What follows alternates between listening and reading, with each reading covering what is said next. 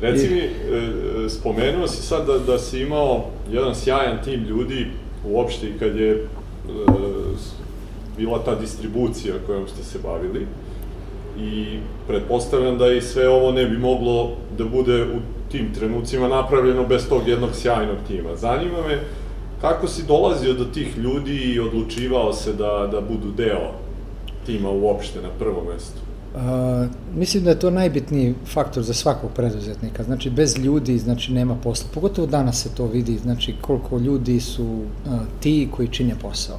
I danas bez čoveka vi ništa ne možete. Danas ulazimo u eru među takve povezanosti da stvarno moramo da budemo, ne samo da prijatelji čine posao i ne samo, nego morate i te odnose graditi i da gledate kolektivno, uh, ovaj, jer stvarno bez ljudi ništa. Ja sam Vaso Lekić, ali uh, možda je meni pripala uloga uh, da ja budem prvi među čitavom tom ekipom, ali to su bili strašni igrači. Znači, to su bili izuzetna ekipa ljudi koja je samo zajedno mogla da to uradi. Mm -hmm. Samo zajedno. Mi, ovaj, znači, faktor ljudski, ali teo sam još nešto samo, nasmio sam se posle ovaj, e, kada ste spomenuli za distribuciju, kada se spomenuo za distribuciju ovaj deo vezan za, um, za način distribucije, pa mislio sam da ćeš me pitati još nešto o toj distribuciji, ali ne bi volio da zaboravim, da, da, ne, ne bi volio da zaboravim, zato što se sjećam kada smo mi prodavali Foodland i kada sam upoznao gospodina Tedeskog Emila, ovaj, e, i on isto tako rekao da je i mi kako smo na distribuciji žvakaći guma, perfetija, počeli izgradili, ajde da kažem, nekakvo sredstva posle sa tom amfisom i sa tom mediteranskom dijetom, bazu za bakinu tajnu da bismo mogli poslije da napravimo i fabriku i da imamo ovaj, stalna sredstva odakle dolazi da bismo mogli da finansiramo to. Sjetio sam se da i gospodin Tedeski isto tako ovaj, mislim sa sa uh, žvakaćim gumama, da li Orbit uh, ili uh, Stimorol, nisam siguran, ali isto tako napravio uh, skok u Hrvatskoj i o, ostvario sjajan uspjeh i ovaj, uh, poslije napravio to što je napravio. Uh, pa sam teo tu paralelu samo da povučem. Ali bi se vratio na ljude i mislim da zaista ovaj, nema, danas ne može niko razmišljati ukoliko nije uh, ukoliko nije, ukoliko nije e, sa, sa tim svojim ljudima, mislim da su se ljudi, e, ukoliko nije prisan. Možda su se ljudi vezivali na energiju koju ja nosim, ali isto tako i ideju koju nosim i tako dalje, ali smo svi na kraju krajeva uvek završavali sve te stvari za zajedničkim stolom i ljudski. Vi ne možete da radite ako niste čovek ljudski, znači tu šta trebamo i tako dalje. To je bilo zaista, uh, brat, iako sam se ja i sa mojim bratom rođenim uh, često puta osporavao odluke, svađao i sa uh, rođakom, to je bilo jedno vreme koje je zaista ovaj, poštovali smo se ipak. Svi smo se poštovali, svi ti ljudi uh, iznosili smo ljudski svoje probleme i onda smo narasli, mi nismo bili sad toliko velika kompanija, ali uh, bilo nas je oko 200 ljudi I, ali uh, smo izvozili, znači kasnije kada je to krenuo uspeh sa tim, onda smo izvozili u 20 zemalja sveta, što je stvarno bilo mm. respektabilno, jer smo svuda sa sobom nosili energiju, da li je to bila sada Francuska, da li je to bila uh, Amerika, da li je to bila Britanija, Australija, Rusija, nosili smo svoju energiju i Uh, ne možete vi prodati proizvod jedan ukoliko ga vi niste uh, ukoliko ga ni, vi niste blagoslovili i taj preko puta vas ga blagoslovio. U smislu da on vidi da je to zaista dobro. Koliko smo mi puta doveli naše strane partnere samo u taj Koponik Brus i da se oni oduševili prirodom i tamo gdje smo izgradili fabriku u tom selu Igrošu koje je zaista prekrasno. Čitava ta priroda i ta sirovinska baza i sve to, to je bilo zaista ovaj, kako vide kako ljudi rade, a, to je za njih ostavilo uspjeh, o, o, veliki efekat tek kad vide i onda su a, krenule naručbe. -hmm. Tako da su ljudi imali poverenja. Znači, na bilo kom osnovu se između čoveka i čoveka rađa poverenje. Da li između čoveka i kolege na poslu, da li između uh, nas kao proizvođača i kupca kao sa druge strane, uvek je taj faktor uh, čovek sa čovekom. I čovek na neki način kupujući proizvod kupuje i vas. Znači kupuje vas i svu onu vrednost koju vi nosite. Ako ste vi korektan, dobar, lojalan, otvoren, transparentan, onda sigurno da imate mnogo veći faktor poverenja da taj čovek isto tako, da prenesete taj deo energije, pa da se i taj deo energije sa tog tržišta dalje prenese na potrošače i da se to širi. Mm -hmm. Tako da su ljudi nešto što bez čega ovaj, svaki sistem, bilo je jako teško, tu mnogo ljudi i, i otišlo, mnoge stvari nismo prepoznali, mnogi ljudi ovaj, sam se uh, oprostio i pozdravio, ali uvijek je to bilo ljudski. Mm -hmm. Uvijek je to bilo ljudski, zato što se moramo poštovati mm -hmm. i moramo se ovaj, uh, na bilo koji način, kako god radili, ovaj, uvažavati, da li, jer ne mora da znači da je naša kompanija idealna za, za vas, niti da ste vi idealni za našu kompaniju. Tu uvek treba biti jedan otvoren razgovor i tu smo želeli uvek da presečemo ako ima neki drugih misli, drugih, znači, ako nije čovjek 100% okrenut ka tome, pogotovo, ajde da kažem, taj viši menadžment, mm -hmm. ovaj, tu onda nema rezultata. I to se vrlo brzo prepoznaje. Jasno. Koliko ti je značilo to, recimo, eto, taj rad u nekom velikom sistemu, kao što je bilo u Cepteru i AMC-u, gde postoji ta neka, da kažemo, menadžerska struktura, da opet imaš nešto, neku sliku svega toga, rekao si da 200 ljudi nije malo, ovaj, nije mnogo, ali ja smatram i da nije malo, pogotovo za srpske uslove, i gde većina preduzetnika ima problem da, da gradi sistem, gde su uglavnom oni ta neka uska grla rasta svojih kompanija, baš iz tog razloga jer se plaše da delegiraju te neke obaveze. Koliko je tebi bilo značajno što si opet radio kao neki menadžer u svemu tome da to možeš da kopiraš u tom trenutku na, na Foodlandu? Uh, pa, ja pored toga što znači što sam bio vlasnik, bio sam i direktor. Mm -hmm. Direktor većinom sam bio e, ajde da kažem e, ako podrazumemo direktor, ali sam bio direktor u ovome smislu i razvoja i marketinga i tog prodaje i a, mislim da da od početka a, ako bismo išli na tu a, stranu, znači za, za menadžer, znači ja sam uvek bio 100% involviran u poslu. Znači, mislim da jako puno čovjek mora da radi, ali samim tim kada predstavljate svoj primjer, kad predstavljaš svoj primjer da si ovaj prvi među da radiš najviše, da ostaješ i tako dalje, onda je sramota nekoga i pogotovo ako si pošten da ima nekakav drugi odnos mhm. nego korektan, ispravan i da radi i da mu da radi pod navodnicima za tebe, ali on tu radi za sebe, mhm. a ne padne teško. Mnogi ovde imaju sada taj uh, ovaj, e, sistem u glavi da rade za, za gazdu, ali oni radeći za gazdu, ili radeći za direktora, ili radeći za višeg menadžera, radeći za šefa, jednostavno rade za sebe.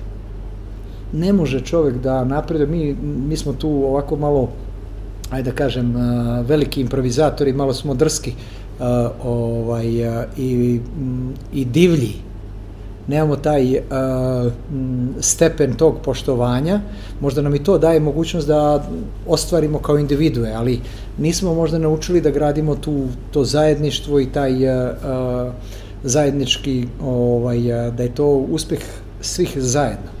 Uh, I ovaj, možda se ni u tom periodu nije toliko tome posvećivalo ovaj vremena jer stvarno ja sam bio kažem predvodnik prvi među ajde da kažem neću da kažem među jednakima ali otprilike tu među sličnima. Znači, šta bi mi mogli ili bilo koji preduzetnik danas da nema desnu ruku, levu ruku, ovo. Znači, jedan čovjek je ograničen, a, a, a njih desetak, dvadesetak je već ipak čudo. Znači, tu su se donosile m, ovaj odluke razne razne stvari znači koje sam čovjek nikad ne bi mogao da ovaj da ostvari toliko da i tu jedna dobra organizacija i dobro poverenje i dobar uh, stav izme, u menadžmentu je nešto što je presudno. Mislim da smo mi tu imali ovaj dosta sreće i bili smo vrlo korektni prema našim uh, ovaj uh, prema našim ljudima i to nešto što, kao što bi danas preduzetnicima preporučio, sigurno jeste da mora da bude otvoren, lojalan, gledati ga ravnoga sebi i da ovaj bude spreman da za njega uradi posao. Biti spreman da za njega uradi posao. Kao što je on spreman da uradi za njega posao. Znači, mi mnogo merimo, mnogo ovde šta, tako dalje. Tu onda kada nema, kada samo pređe na merenje i kalkulaciju, ovaj, tu se onda gubi energija. Onoga trenutka kada vi idete, onda čitava ta a, ekipa pliva, pliva dobro, jer ne možemo samo posmatrati koliko sam zaradio, moram posmatrati koliko sam ja zadovoljan u svemu tome. To je danas mnogo bitnije. Mnogi ljudi neće da rade, za, iako možda imaju super stvari, super u, ajde da kažem, u korporacijama super uslove, ali neće da rade. Današnje nove generacije su opet nešto treće, potpuno nešto drugačije. Ja gledam ovoga sinovca, ovaj, on, on mašta o milionima, on mašta o... Ha, moj uspeh preko noći je trajao 20 godina. Većina to, to ne vidi, da. Većina vidi to samo ne vidi. kad dođe do uspeha, da. Mi, da, treba, mislim, uh, uh, ima ona poslovica strpljen spašen. Ja, nažalost, nisam bio ovaj, uh, često u svom putu strpljen. Ne mogu da se kažem da sam bio strpljen, ovaj, ali to sada sa ove distance vidim da je strpljen spašen.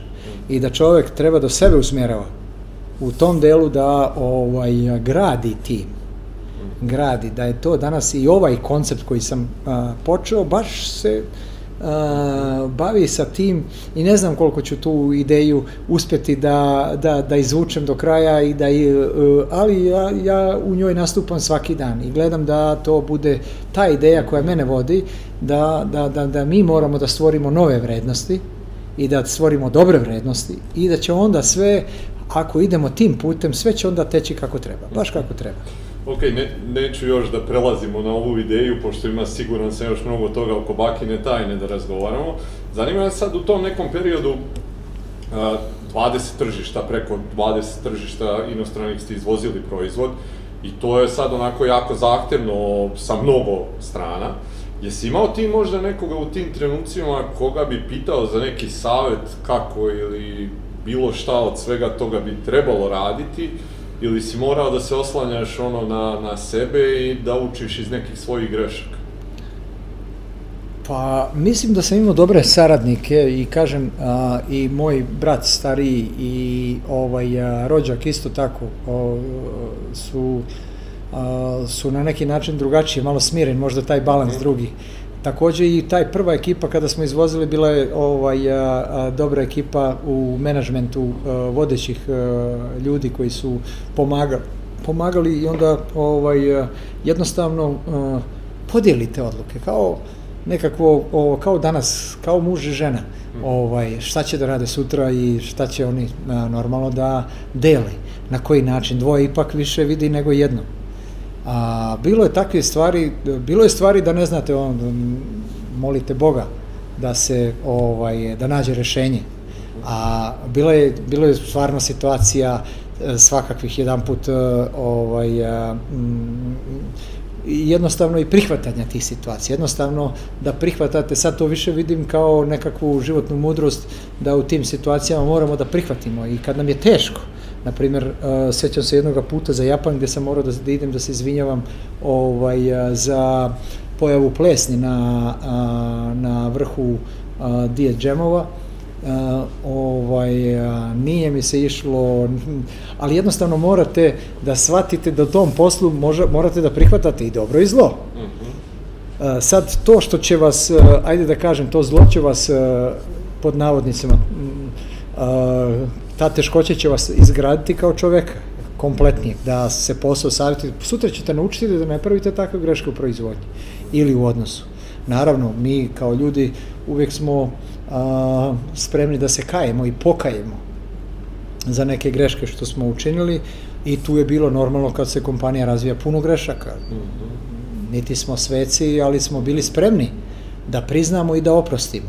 Mhm. A, tad kad sam išao tamo, znači to otprilike, znači dešavalo se razne stvari, smo imali veoma specifičnu proizvodnju, a, gdje je sve bilo ručno. i možda u sedmom, osmom satu žena ne može da zavrće poklopce više na džemovima kao što može u prvom satu. Sad ovo roba putuje 60 dana do Japana, da tamo kod mora dovoljno jedna oluja, bura da se ovaj, a, a, možda a, poklopac a, razdihtuje i da ovaj, kad je tako ručno rađeno i da uđe vazduh i stvori plesen. I onda sam ja morao tamo da idem i da ovaj, a, a, crtam i, i poklanjam se Japancima, ovaj, da objašnjavam da to neću više uraditi i da ovaj, crtam dijagram kako bi, ovaj, šta sam ja to uradio, da sprečim takve moduse, a da i dalje bude to uh, handmade. I, ovaj, ali to je opet sa druge strane bilo jedno veliko iskustvo. To je bilo jedno veliko iskustvo gde su ljudi, uh, ovaj, da vi sada putujete, ne znam, 7-8 hiljada kilometara, da dođete i da se poklonite i da im se izvinete i tako dalje. To je bilo, znači, respekt za kupca i respekt za uvoznika, da ovaj, moramo da čuvamo, moramo da se brinemo i moramo da tu grešku ispravimo. Tako da je bilo dosta tih uh, situacija koje su nas učile, a mi smo bili spremni da učimo. Mm -hmm. Mi smo bili spremni da učimo Ovaj, m, I to je veoma bitno za preduzetnika, da prizna da je pogrešio. Mm -hmm. Da li je pogrešio prema čoveku, da li je pogrešio ovamo. Pa, mhm. ja se sjećam, jedan put je uh, Filip Cepter uh, o, ovaj, izjavio, Milan Janković, ja više volim, pošto smo tada u periodu ovaj, uh, radili kao Milan Janković, onda je on, sećam se na jednom mitingu, rekao, a, Vaso Lekić uradi 99% stvari pogrešno.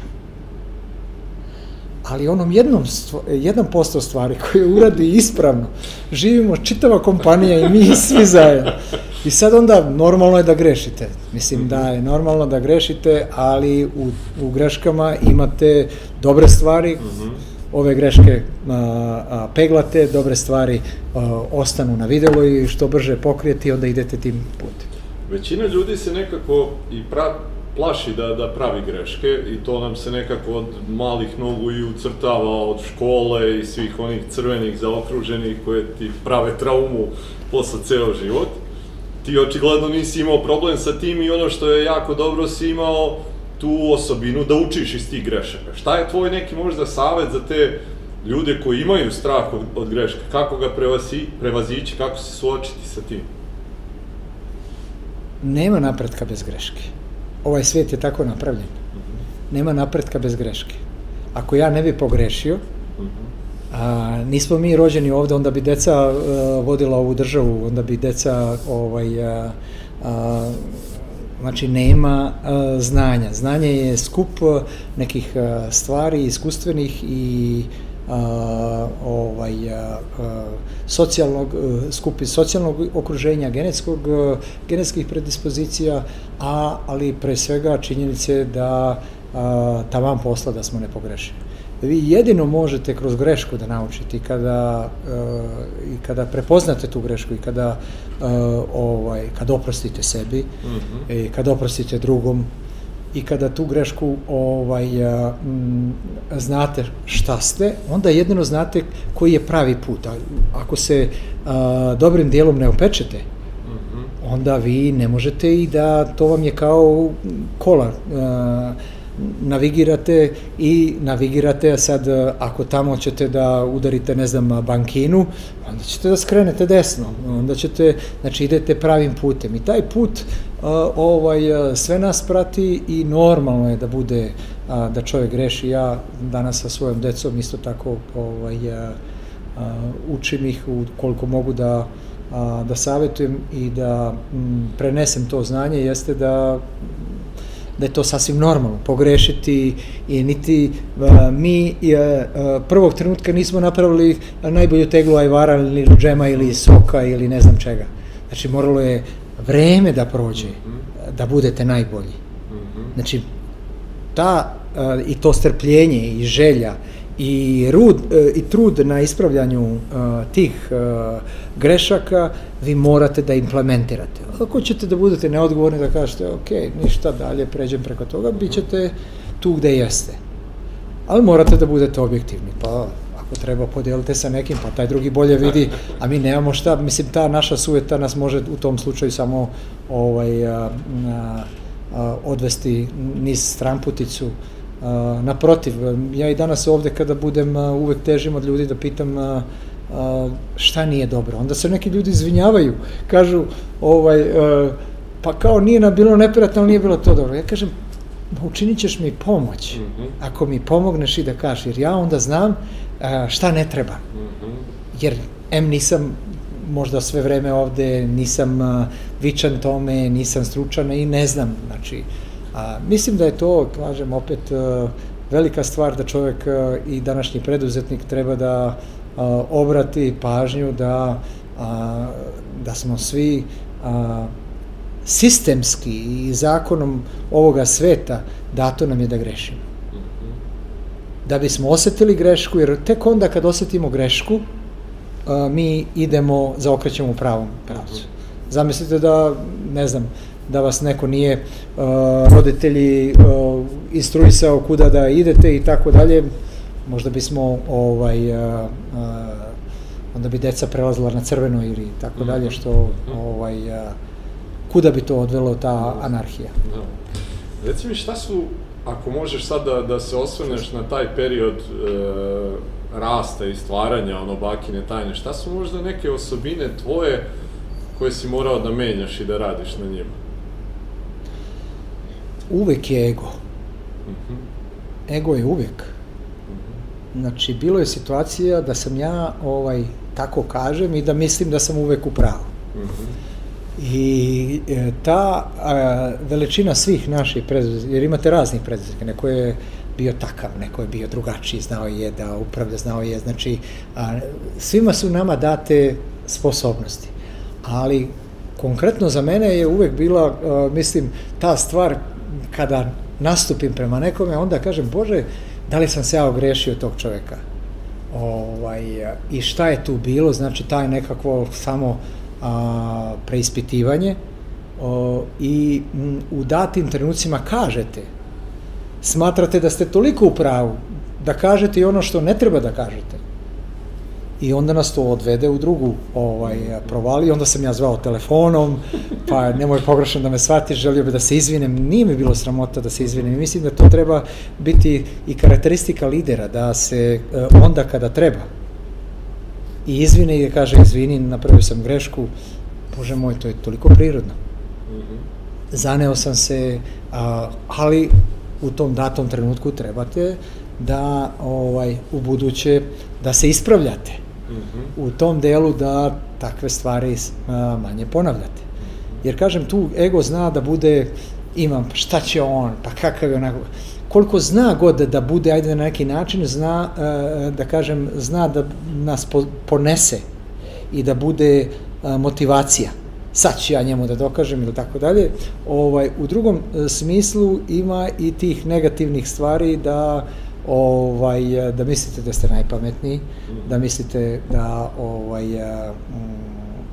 da sve znate najbolje, I bilo je dosta situacija da ovaj, baš tako sada kad spomenemo tu rečenicu i kad se prisjećam nešto, mislim da Đorđe, ja bar negde gledam da znam gde sam bio dobar. Mm -hmm. Bilo je dobro, znači da prepoznam gdje nisam dobar. Mm -hmm. I da se tu puno ne meša. A bilo je takvih situacija. U mnogim stvarima ovaj, a, a, nisam znao da ovaj, a, da donesem te prave odluke. I onda tu je trebalo sesti, bila je želja veća da nešto u razvoju uradimo, a možda investiciono nije moglo da se isprati ili tako dalje, tu, to, to nam preti ovaj, svima i tu ta čitava situacija bi trebala da je da su ljudi na oprezu, da sagledavaju svoje postupke i da daju za pravo da mogu da pogreše koliko je važna ta analiza, ono, odnosno da uopšte imaš i vreme za tako većina preduzetnika u tim nekim fazama velikog razvoja je i suviše uključena operativno u sam ono posao. I onda i nema vremena da se malo makne recimo izvan svega i da se pozabavi ovim nekim stvarima. E, koliko je važno prvo da, da upoznamo sebe to što si rekao, da znaš svoje šta, šta je dobro, a šta ti nije loše i da onda prepustiš te loše stvari ljudima koji su dobri u tome. što kažu, lako je biti general posle bitke. ovaj, uh, Upravo tako, i ja sada idem, radim na sebi u nekim stvarima i prepoznajem te stvari, ali bilo je sva sreća i okolnosti gde sam se, gde sam uspeo da se izvinem i da ljudima objasnim i da zadržim ljude i da ne gubimo poverenje. Ali kad je u pitanju, kad je u pitanju ovaj, čitava ta situacija, nisam, nisam bio uvek najpametniji. To je, to je činjenica. Nisam bio na visini zadatka i to je sigurno izazov za sve, za mnoge ljude da, da prepoznaju da, da u tom datom trenutku ne udovolje svojoj želji, ne udovolje svojoj želji i mislim da je mnogo bitno da se odvoji. Da se odvoje malo, da jer kad ste u kovitlacu zbivanja, onda ne možete, ne donosite nekada ispravne odluke. Mm -hmm. uh, ok, operativno vođenje je jedna stvar, mm -hmm. Ali ako će vam uzeti vremena, mi nismo bili sada kompanija sa hiljadu ili sa pet hiljada ljudi, ali uh, svakako da morate za operativne strateške odluke donositi uh, mirne glave, mm -hmm. analitički, i tako da. Znači, to je izazov za same menadžere, da pored tog operativnog dela, svakako moraju prepustiti jedan deo ovaj, a, a, hladnoj glavi i, i tom pristupu da su ovaj da sagledaju dugoročno. Mm -hmm. Da sagledaju dugoročno gde a, gde treba ići, kojim putem, a, šta je dobro analitički i tako da. To je opet sada tim kako se organizujete i kako vidite šta, na čemu ste dobri. Bože moj, danas te kompanije imaju svaki taj a, faktor profitabilnosti, ispitivanja i tako dalje da ali ja većinom uh, gledam, jer ja sam primjer nečega što smo od, od nule podigli i napravili. Ne znam sada kako bi to izgledalo da bi se sada napravila kompanija, da uđemo u kompaniju pa da onda napravimo gde mhm. postoje već ta pravila igre. Ali mislim za svakog rukovodioca i za svakog menadžera je bitno da, da, da, da ovaj, što kaže, odvoji sebe od sebe. Aha. jako dobro si to rekao. Reci mi, e, Bakina tajna postaje onako jedan prepoznatljiv brend e, ne samo u Srbiji, nego i u regionu i na nekom svetskom i globalnom nivou. I u jednom trenutku je došlo do akvizicije Bakine tajne od strane Atlantic grupe. Šta se dešava u tom trenutku sa samom firmom da dolazi do toga uopšte da ti razmišljaš o prodaji? Pa ja sam tada, uh, tad svoje vremeno bilo 2015. Uh, ili krajem 2014. kada smo ovaj, potpisali uh, taj sporazum o, o, o kupoprodaji.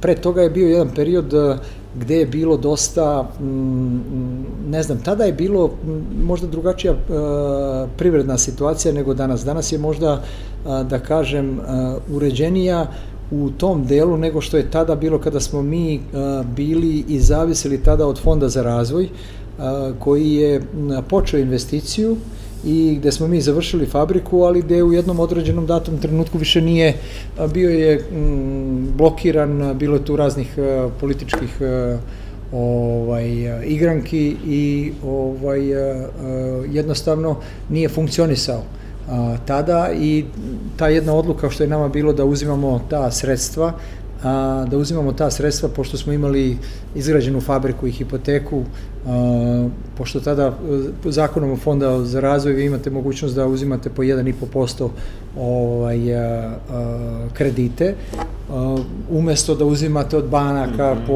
9-10% koliko smo mi bili od komercijalnih banaka znači upućeni i kada kupujete tu sirovinu, a m, fabrika je tada umeđu vremenu bila i završena krajem 2012. godine i, i ovaj, a, bilo je a, vrlo, a, vrlo a, diskutabilno ovaj, a, m, i razočaravajuće u tom trenutku da smo morali da uzmemo da recimo milion i po, dva miliona evra vam treba ili milion i po evra vam treba za sirovinu da kupite koji trebate cele godine da je prodajete, pa je prodajete na odloženo svuda u svetu i onda u tom delu je trebalo ovaj, zaista u tom delu je trebalo baš dosta novca, da bi čitav taj ciklus od početka do kraja, znači od branja sirovine, pripreme, skladištenja, proizvodnje, isporuke, distribucije, naplate i tako dalje, zatvoriti. I onda je smo bili tada prinuđeni da uzimamo sredstva od komercijalnih banaka, iako je naša, recimo, EBITDA bila, ako smo, mi smo imali tu negde turnover oko 11-12 miliona godišnje i oko negde oko 900 do, do milion je bio je bio taj EBITDA i onda smo tu shvatili da dajemo skoro 500.000 eura smo mi davali na kamate. I onda, a mi smo, nas troje smo ovaj, kao vlasnici bili ovaj, založili sve. I nije nam bilo normalno. Meni je, ja sam išao i ovaj, a, a, do mnogih institucija i ovaj, a, želeći da želeći da se ta situacija izokrene, da se donese ovaj, a, a, da se donese odluka da faktički imamo pristup tim sredstvima, ne znam kako, na, na osnovu kojih parametara su oni ocenili a, da to ovaj, a, a, da to ne može ili su odugovlačili ili šta god. Ja sam u jednom trenutku izgubio želju.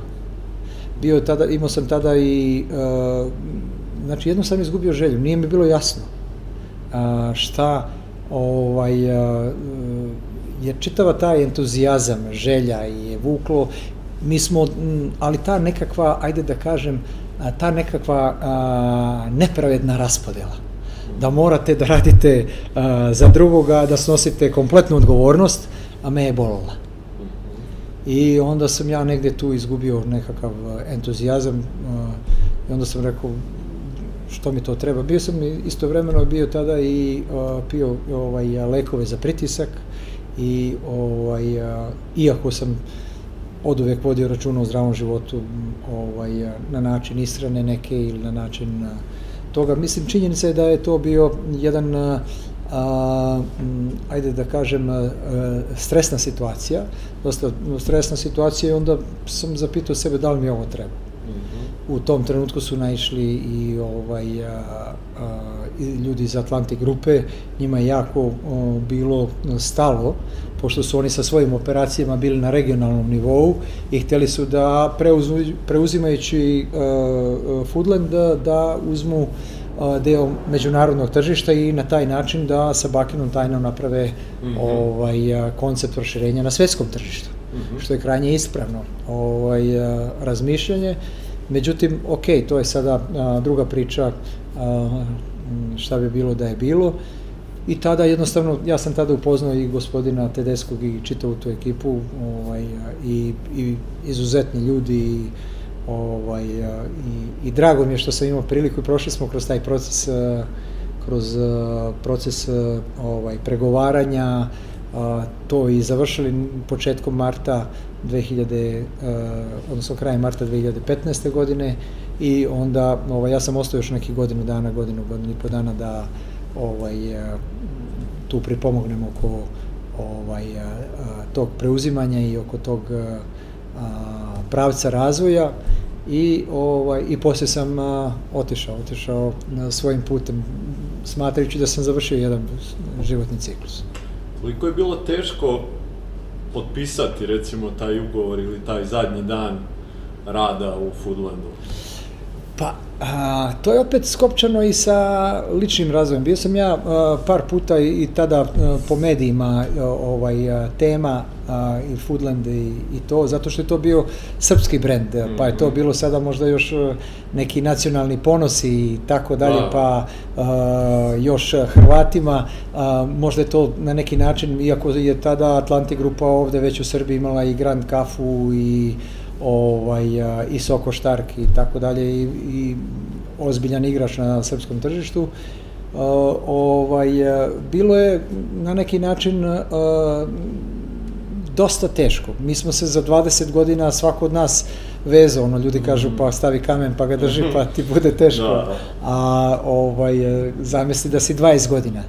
E bio je tu taj period, imao sam ja te, te, te, te krize identiteta, ajde da kažem to, krize identiteta, da ja, a, da ja nisam bakina tajna, da sam ja bakina tajna, a i da istovremeno i nisam, da je to mnogo više i da smo podarili tržištu i ljudima jedan divan proizvod i da je on pripada svetu i ovaj ta kriza identiteta da sad e, šta sada pa onda e, šta posle da li ćemo biti dalje isto tako uspešni ja mislim da se mnogi e, ovaj preduzetnici pitaju da li ovako da li onako mm -hmm. ovaj i imaju tu nekakvu krizu identiteta da li posle moraju da nastave isto tako uspešno da li to treba da bude ovaj još bolje ja sam nekako tu, uh, u, kad sam pre toga, kad se desilo to, uh, taj trenuci razočarenja, već negde pre toga doneo odluku. I tu sam se negde pomirio sa tim. Jeste mi bilo žao, uh, imao sam ideju uh, i pre da, uh, da dođe do uh, razvoja na svetskom nivou, ostvarili smo mnogo, Uh, ali u tom datom trenutku tako su se stvari poklopile da je jednostavno bilo po meni najnormalnije i uh, uh, najkorektnije uh, dati nekom drugom ko ko je imao te neke stvari koje je mogo da m, i da dalje nastavi i da da još bolje rezultate. E sad, činjenica da kod ovakvih kompanija kao što smo mi ovaj, bili, gde je faktički stvarana i kada velike kompanije kupuju, nije lako taj e, deo da se nasledi tog e, e, identiteta tih prethodnih vlasnika i da to se podvede i da to postane komercijalan brend. Ovaj, jer mi smo dosta taj pečat stvarno gurali te proizvode u tih dvadesetak zemalja, svuda gde smo bili i borili se. E sad, e, drugačije to kompanija reguliše kada ima 6000 ljudi kao što je Atlantic grupa, drugačije kad mi koji imamo 150-200 ljudi. Znači. Tako da je to ovaj, m, bilo teško. Mhm. Znači, ne možemo da se varamo. ovaj, bilo je teško, bilo mi je teško isto ovaj, i kada sam sa Cepterom napravio tu odluku, kada sam ušao u taj drugi ciklus, pa onda isto tako kada sam izlazio iz bakine, eh, iz bakine tajne i tako dalje, ali sam opet bio radostan što smo, kažem, jednu imali predivno iskustvo, 20 godina, a, čitava ta kompanija Foodland, 20 godina jednog zajedničkog rada a, koje nas je sve oplemenilo. Mm -hmm. e, I dalo novu vrednost tržišta. Jasno, jasno. E, završavaš, znači, na neki način sa, sa bakinom tajnom e, i jel onda imaš neki period pauze da odmoriš od svega, da, da porazmisliš šta i kako dalje?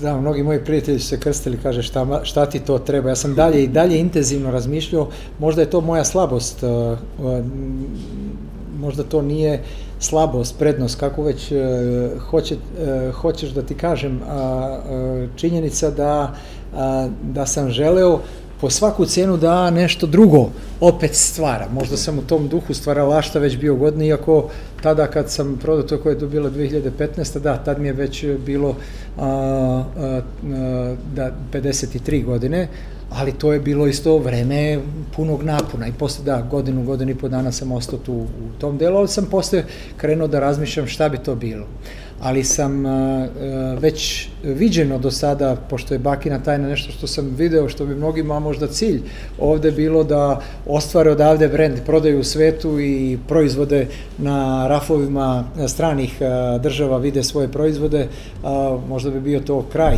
ovaj, da kažu, evo, ovaj, dosta je mm -hmm. i to, ja nisam taj ciklus kad se završio, ne možete želiti iste želje.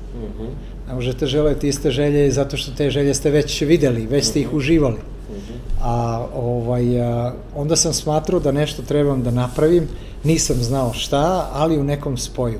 I tad se rađa ova ideja a, o tom povezivanju, pošto sam išao gore, ovaj, a, tamo gde živim a, na Voždovcu, ovaj, a, i, i tamo ima ta banjička pijaca, onda sam video koliko ljudi koriste hranu, kako je ta komercijalizacija hrane dobila i ulogu u tom da ljudi danas više proizvođači ne vide potrošače. I da proizvođači kad sam vidio dosta toliko nakupaca i toliko ovaj, a, a, znači prekinuo se onaj lanac direktnog snadevanja i danas da je sve znači podređeno profitu, podređeno a, tim a, m, ajde da kažem novcu i tome onda sam teo da napravim neki koncept koji bi bio ajde da kažem održiv i koncept koji bi bio dobar za sve. Tu se i počela i rađati i onda sam ta ideja o samodrživosti i o prirodnoj poljoprivredi i o tome da bar koliko toliko zaštitimo ovaj, a, zaštitimo nas, zaštitimo društvo i da ovde u Beogradu ponudimo pravi proizvod, a, dobar proizvod, ne sada u smislu da sada pravim novu kompaniju i krug prođem, jer je to, kažem, već bilo viđeno, ali sam teo nešto novo.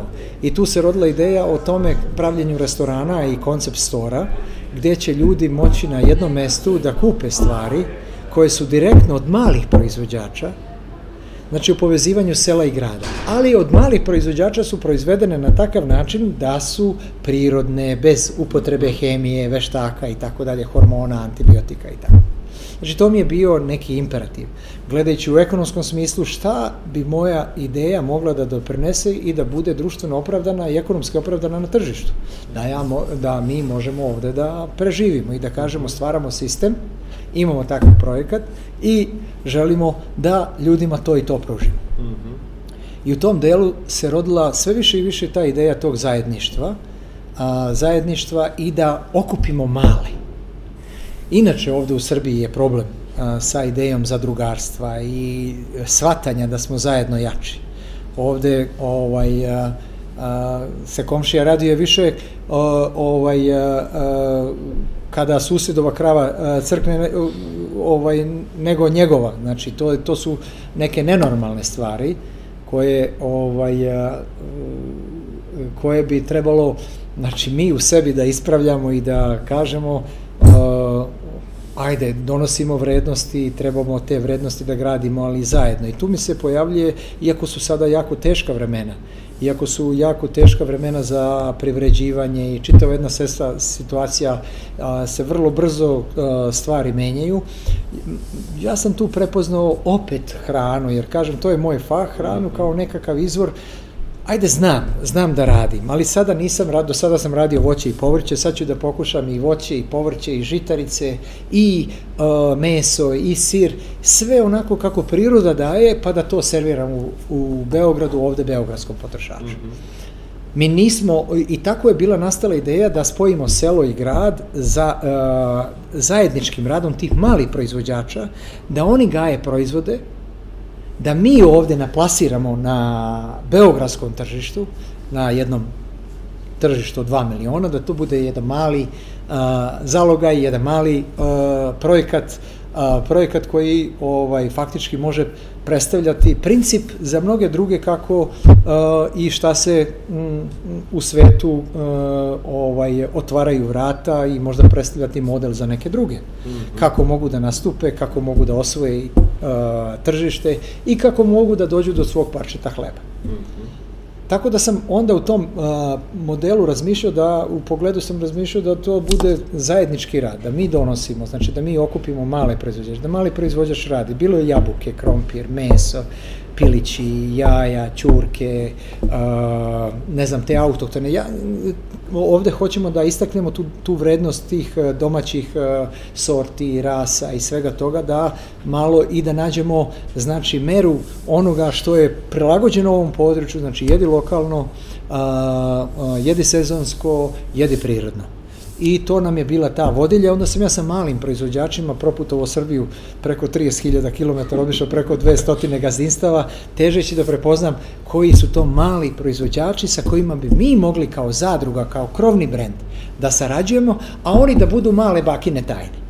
Recimo, da budu, ovaj jedan će da pravi kobasice, ovaj će drugi da pravi jaja, odnosno da ima kokoške jaja, ovaj će treći da a, pravi ajvar, ovaj će četvrti da pravi ovaj, brašno, četvrti će da peti e, testenine, a, šesti med i sve ono što vre, i stavimo pod krovni brend i od takvih namirnica da spremamo obroke i da od takvih namirnica spremajući obroke pravimo i proizvode i promovišemo te male proizvođače koji nemaju mogućnosti. Mm -hmm. Oni nemaju, onda ih mi dajemo ovaj, a, a, podržavamo u otkupu i kažemo, ok, ajde ti gaj to, toliko, sve ti je otkupljeno, evo ti tegle, evo ti poklopce, evo ti ambalaža, sve, nemoj da brineš, samo uradi, ali na prirodan način. I onda smo odabrali tih 35 kooperanata, malih zadrugara i zato se zovemo zadruga. Nastupili smo u jednom uh, momentu koji nije baš ovaj, uh, uh, interesantan kad je u pitanju zadruga i jer je to bio reality ovaj, i tamo kad smo registrovali to ime negde u martu, ja se sećam 2017. godine, ovaj, poslije kad se, a, a, kad smo trebali da otvorimo krajem 2017. restoran i concept store, ovaj, a, bilo je problema, ja ovo, zadruga, kako je to sada za... Međutim, zadrugarstvo zaslužuje a, ovaj, mnogo veću vrednost. Neću da kažem, mislim, sve što postoji, treba da postoji. Taj reality, vjerovatno, treba da postoji a, ovaj, a, iz nekog razloga. Možda mnogima nije jasno, ali treba da postoji i čim postoji. Sa druge strane, mi a, radimo jednu drugu stvar da ljude upoznamo ovaj, sa tim istinskim vrednostima koje su malo zaboravljene. A to je zadrugarstvo. Moramo se mi pomagati i ispomagati i želja nam je bilo da stvorimo na tom domaćem tržištu uh, u selima male seoske zadruge koje će korespondirati sa nama i sve staviti u taj krovni brend i od takvih namirca, jer oni nemaju mogućnosti da plate ulaznice u skupe markete, mm -hmm. nemaju mogućnosti da imaju takav uh, cash flow da mogu da ovaj izdrže uh, tu proizvodnju samo neki od njih, nego jednostavno, ok, mi smo im partner, mm -hmm. mi smo im partner i ovaj naš mali sistem će se zvati zadruga. Mm -hmm. Zadruga simboličko znači njima za druga. Ja za njega, on za mene. I to je mnogo, ovaj, a, a, mnogo duboko. Mhm. Jer, a, i to je ono što si me pitao malo pre, ta ljudska vrednost. Mnogo danas a, sistemi se menjaju, a, vrednosti se menjaju i mnogo veću vrednost ima kada se i ljudi osjećaju dobro kada rade. Mm -hmm. Znači, a, mnogima i novac ne može doneti sreću. Ali bar možemo jednom drugome da učinimo srećni to što radi.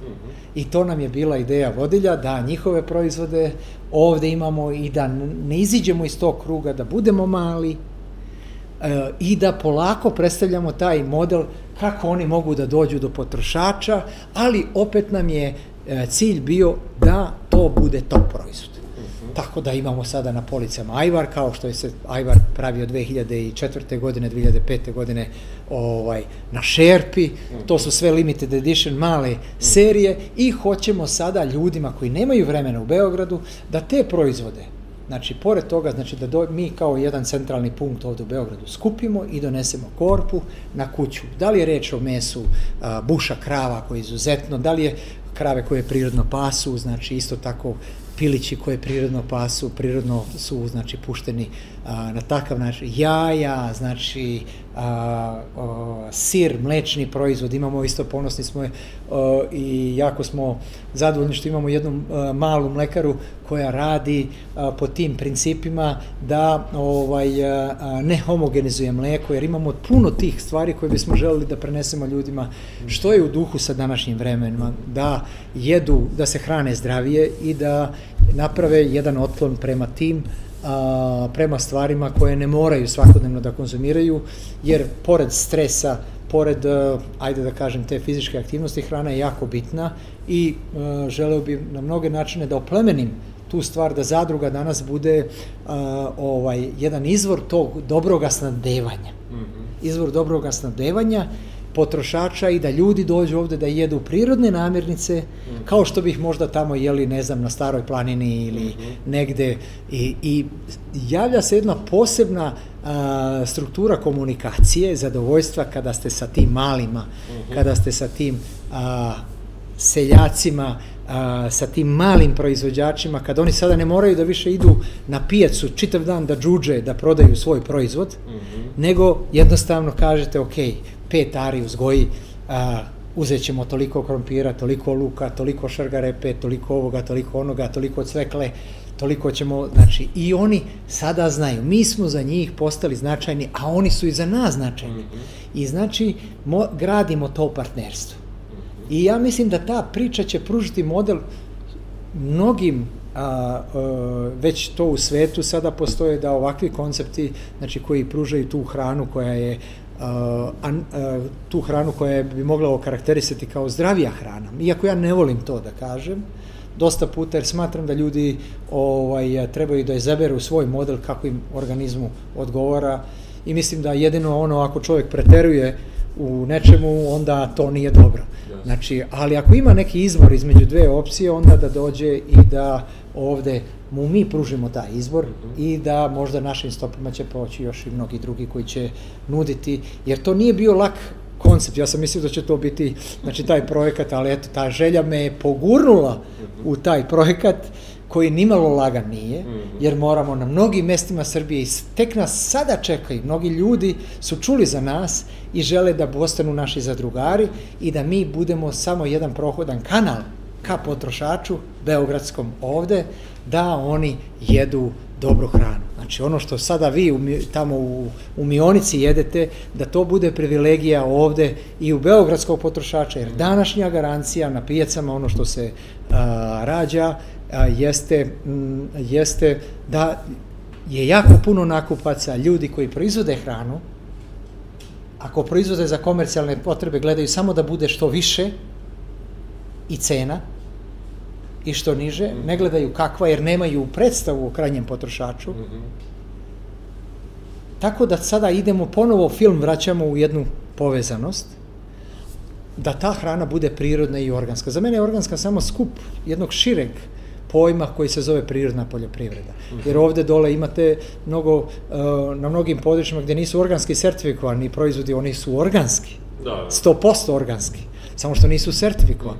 A ti ljudi nemaju, za njih je 500 eura ili 300 eura, 500 eura a, velika, a, velika suma novca. Pogotovo im je velika suma novca isto tako da, odnosno težak posao da sve to vode, sve te papire. Mm -hmm. Što ne kažem da neće doći trenutak, ali današnja slika Srbije jeste takva da u mnogim imate nepismenim koji ovaj to rade na prirodan, tradicionalan način, poštujući prirodu i nemajući sredstava da kupe hemiju. Mm -hmm. da se intenzivno bave poljoprivredom. Tako da mi nekada na nekim uh, planinama, da li je to Golija, da li je to ovaj, Koponik, da li je Stara planina, da li je Tara, da li je Šumadija, mi, uh, istočna Srbija, znači mi prepoznajemo te vrednosti i ti prirodne, znači mikroklimate i mikroregije koje imaju čistu klimu, nezagađenu prirodu, ovaj, i proizvod stvarajući se tu je već sama po sebi blagodet i onda smo mi sigurni u taj kvalitet, tako da mi verujemo da takav, dosta puta takav proizvod je, stop, je više organski nego nekakav sertifikovan no. Da. organski, ako je, jer po zakonima organske poljoprivrede vi imate ovaj, šta se dešava sa tim uticaje okolnim, ako vazduh, voda i tako dalje. Znači imate sada sredine potpuno čiste, koje, znači, kad posade tu, kad nema, znači, priroda daje o, ipak a, ono najbolje. E, često čujem od ljudi koji nisu preduzetnici, kad vide tako nekoga ko je uspešan, ko je stvorio nešto i finansijski sebe onako u svemu tome dobro obezbedio, pa često čujem njihovu rečenicu koliko mu treba. I sad, ono što ja mislim da ljudi koji nisu preduzetnici ne mogu ni da shvate to da ovaj e, evo ti si mislim odličan primer toga da to što motiviše i tera preduzetnike da, da nastave dalje da rade i kada su već finansijski obezbeđeni obzirom da si ti prodao bakinu tajnu za jedan e, značajan iznos, e, je ta neka motivacija i želja da se stvara nešto i da to uglavnom nema nikakve veze sa novcem. I mislim da je tebi kad e, ljudi vide sa kojim ti žarom sad pričaš o ovoj novom konceptu, ovoj novoj ideji koju imaš, da je to jedan idealan primer i mogućnost da ako nas neko gleda ko nije preduzetnik, shvati da se u principu kod preduzetnika ništa, e, mislim ništa, naravno da je važan novac, ali da je ta neka želja da stvorimo nešto, da tu ideju koju imamo i tu viziju sprovedemo u stvarnost, ipak to nešto što nas tera da ne možemo da sedimo. Uf, upravo tako, Đorđe. Ovaj, e, e, ja isto sam, znaš, mnogo je bilo tih, e, kad smo prodali firmu, tih ovaj, reči, ajde, ovaj, šta ćeš, idi odmori, idi negde na ostrovo, šta ćeš sada ovde, ovaj, šta si sada opet navalio da opet radiš. Jer ja i dan danas radim sada po 10-12 sati dnevno. Jednostavno, shvatio sam da ja to želim. E sad, ima jedna situacija, nedostatak. Znači, ta želja rađa sve. Nedostatak toga, znači nedostatak da i dalje stvaramo, rađa tu želju i rađa potrebu da radimo, potrebu da stvaramo. Tako da i meni isto tako, dosta puta se ja pitam, ipak nisam ja kažem u mladim godinama. Znači nije meni bilo kad sam počinjao tamo Foodland da, da mi je ovaj, uh, uh, koliko je to bilo, 95. 33 godine. Mhm. Danas imam 58 godina. Uh, u 58. Tako da to nisu ipak iste uh, ovaj uh, iste snage. Mm -hmm. Sa druge strane ja sam nastavio i imam želju naravno da valjda e, čovek dok živi stvara i osjeća se e, ovaj, e, da kroz njega prolazi dok stvara. A, mislim da ta želja je ključ svega. Zašto je nekome dao želju, a nekome nije? Nemoj me pitati. Ima neka jedna jevrejska poslovica koja kaže ovaj, Bog ne kvalifikuje a, a, Bog a, ne poziva kvalifikovane, već kvalifikuje pozvane. Preneseno bi zvačilo u onome smislu, ako ti ima želje i ako ta sila gleda od ozgo, ti želiš nešto da, pa evo vidi ovaj hoće magarac da radi, pa neka radi. Ako je navalio, evo daću mu. Znači, mislim da u mnogim preduzetnicima postoji ta sila, mm -hmm i, i to obrazloženje da, da ovaj, ta želja za stvaranjem.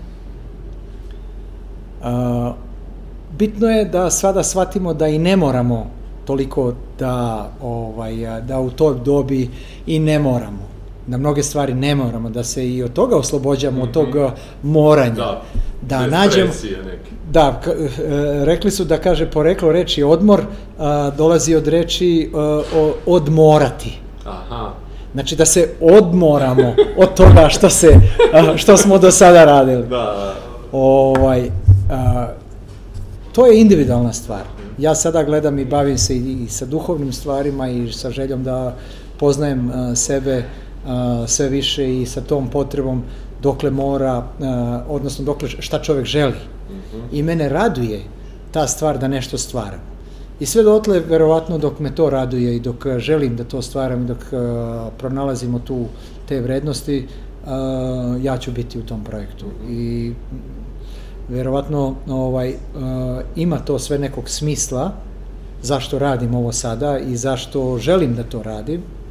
Ovaj, uh, ima sigurno nekoga smisla koje možda sada ni ti ni ja ne znam. Mm -hmm.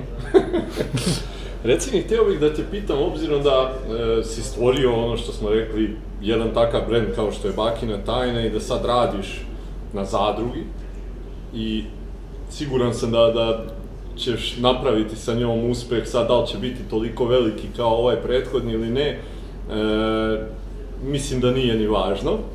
Ono što me zanima je šta bi ti sad izdvojio kao neke savete, recimo, za stvaranje brenda? Šta su to neke važne stvari o kojima treba voditi računa, na kojima treba raditi, da bilo sad da je to proizvod ili usluga nekih e, ljudi koji nas gledaju, da mogu da izgrade nešto što će postati, postati prepoznatljivo na tržištu?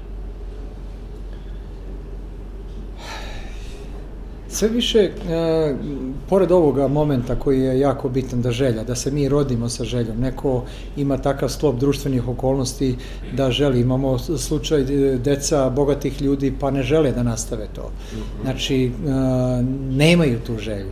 Ja bih se opet tu vratio na tu želju. Znači, pored tog jednog koraka, sigurno da ga preduzetnici svi imaju, jer ne bi radili uh, 12 sati dnevno, 24 sata, odricali se porodice, odricali se neki drugi stvari, da to uh, nije tako. Mm -hmm. Znači, više vole to od nečega drugoga. Mm -hmm.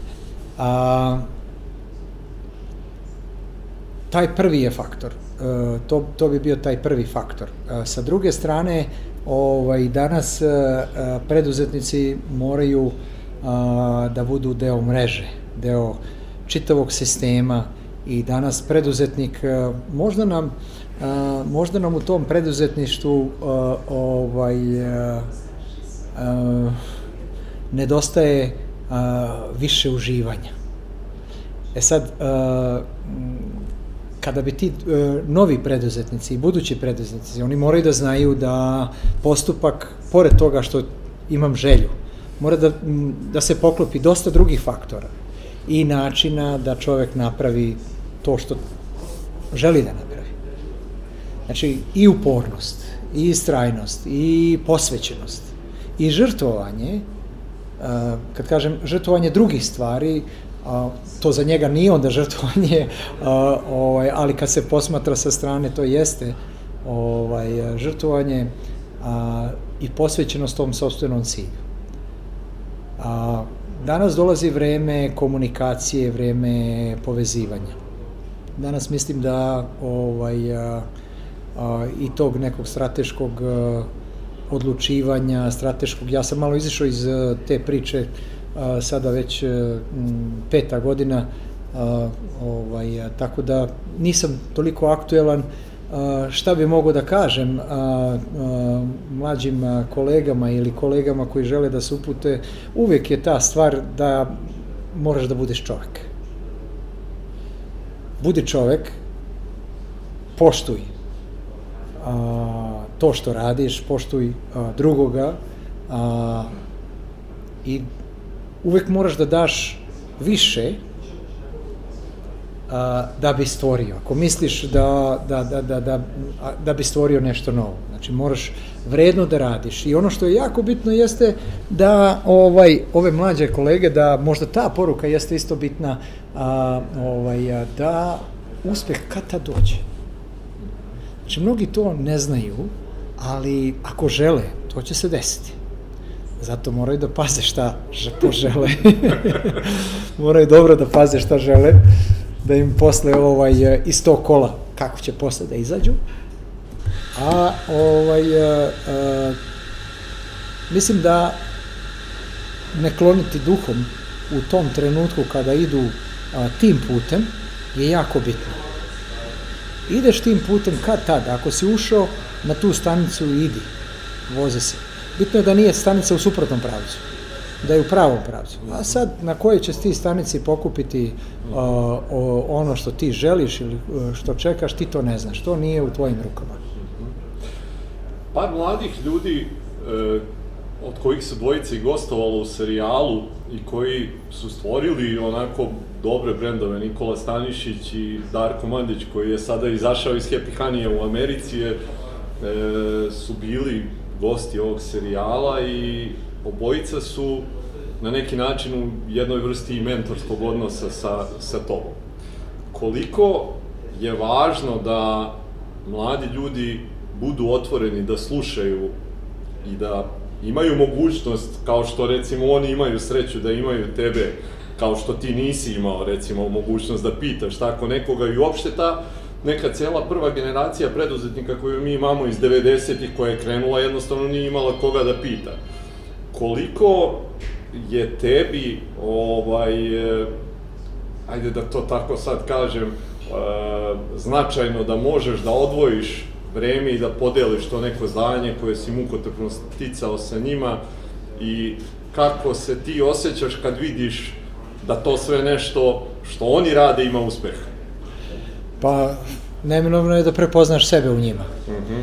ovaj, a, ono što je a, a, kad sam prvi put upoznao i Nikolu i Darka, a, oni su e, imali a, veliki pijetet, a, pijetet za ono što smo što sam ja i što smo mi radili tu i to im je bilo ono wow. I a, koliko puta smo razgovarali tu i ovaj a, za mene je to sve normalno. Oni su oni su divna deca i jako vredni ljudi.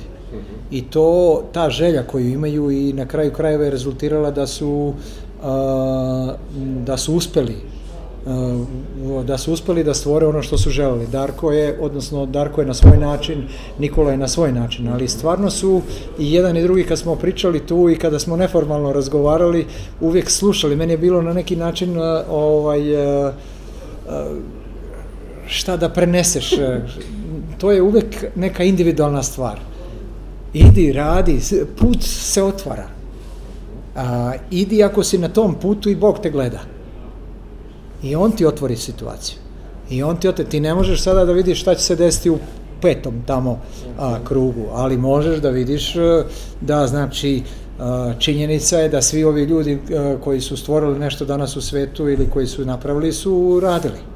Danas dolazi i vreme da, da, da, da ljudi, a, što jeste ispravno, da, a, da manje rade, a da stvore opet na kraju krajeva stvarno nije moguće to zavisno ko je kakva ovaj predispozicija i šta je kome dato, ali ovaj rad u ispravnom pravcu je činjenica i naporan rad u ispravnom pravcu je činjenica da je mnoge danas doveo tamo gde jesu. Ako ih nije u prvom trenutku doveo, doveo ih je u desetom trenutku. Ali su bili uporni. Znači, to imamo i u sistemu političke vlasti. A, znači, te smene i upornosti i tako dalje. Mislim da, ovaj, da nema zime ni za koga, a pogotovo za Nikolu i Darka, ovaj, pošto su pošto smo mi bili, oni su opredeljeni sa svojim proizvodima kad je Darko bio u Happy Honeyu i kad je Nikola sa šumskom tajnom ovaj, vezano za strano tržište i onda sam pomogao koliko sam, dao sam uh, te neke instrukcije koliko sam mogao da pomognem iz svog iskustva. Mhm. Danas se sve brzo menja, ali oni su sami po sebi, samim tim što vredno rade, što idu tim putem i što žele pre svega mhm. da ostvare uspeh na dobrom putu da to i uradi. E, Vaso, pitanje sa kojim završavamo ovaj, sve naše razgovore je sledeće. Da si u mogućnosti da Vasi iz te neke 94.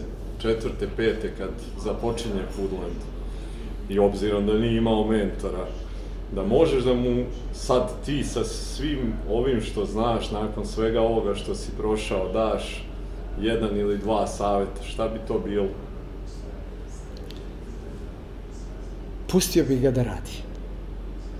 Mislim da ako bih vratio sada a, film, možda bi tom čoveku uskratio a, 20 godina a, prevelikog rada, ali isto tako i a, velikih zadovoljstava koje su kroz taj rad a, njemu donele, a, takođe i sve te stvari koje su a, m, bile uz taj rad.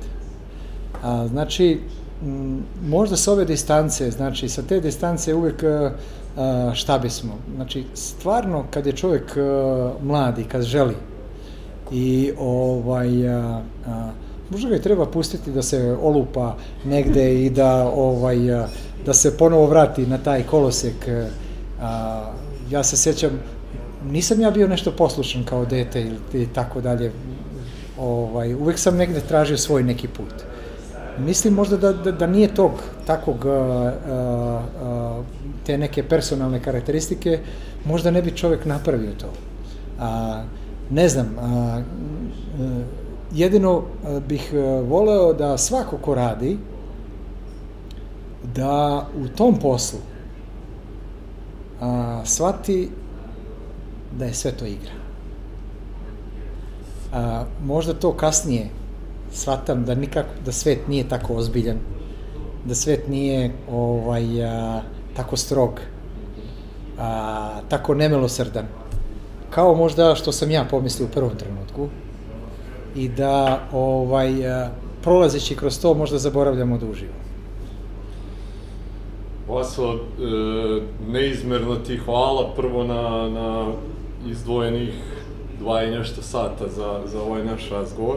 Hvala ti što smo imali priliku da čujemo ova znanja i iskustva koja traju evo 30 i nešto godina. Želim ti stvarno da, da e, nastaviš sa istim ovakvim žarom da radiš ovo što radiš i mislim da će to sigurno biti tako. Ovaj, I stvarno još jednom mi je bilo izuzetno zadovoljstvo da imam priliku da, da e, budem danas prisutan ovde i za slušalce da znaju da je danas nedelja, da si ti odvojio nedelju da bismo mogli da napravimo ovaj razgovor i da sve ovo podeliš sa nama. Hvala ti zaista neizmeno. Đorđe, ja bi se isto tebi zahvalio možda slušalcima da kažemo još jednu stvar, da sam ja isto tako ovaj, razmišljao o tebi prošli put kada smo se upoznali i da sam fasciniran sa tvojom životnom pričom. Možda jedan put ti trebaš sam sebe da intervjušeš i da napraviš ovde jedan serijal, jer si ti isto tako primjer onoga što a, za mene veoma uspešan, da ono što si želeo i što si prošao i da ideš tim putem i da ti spadaš isto tako u jedan krug tih ljudi koji a, se može nazvati preduzetnikom i koji nosiš sve te karakteristike i ja se tebi na poseban način divim, isto tako.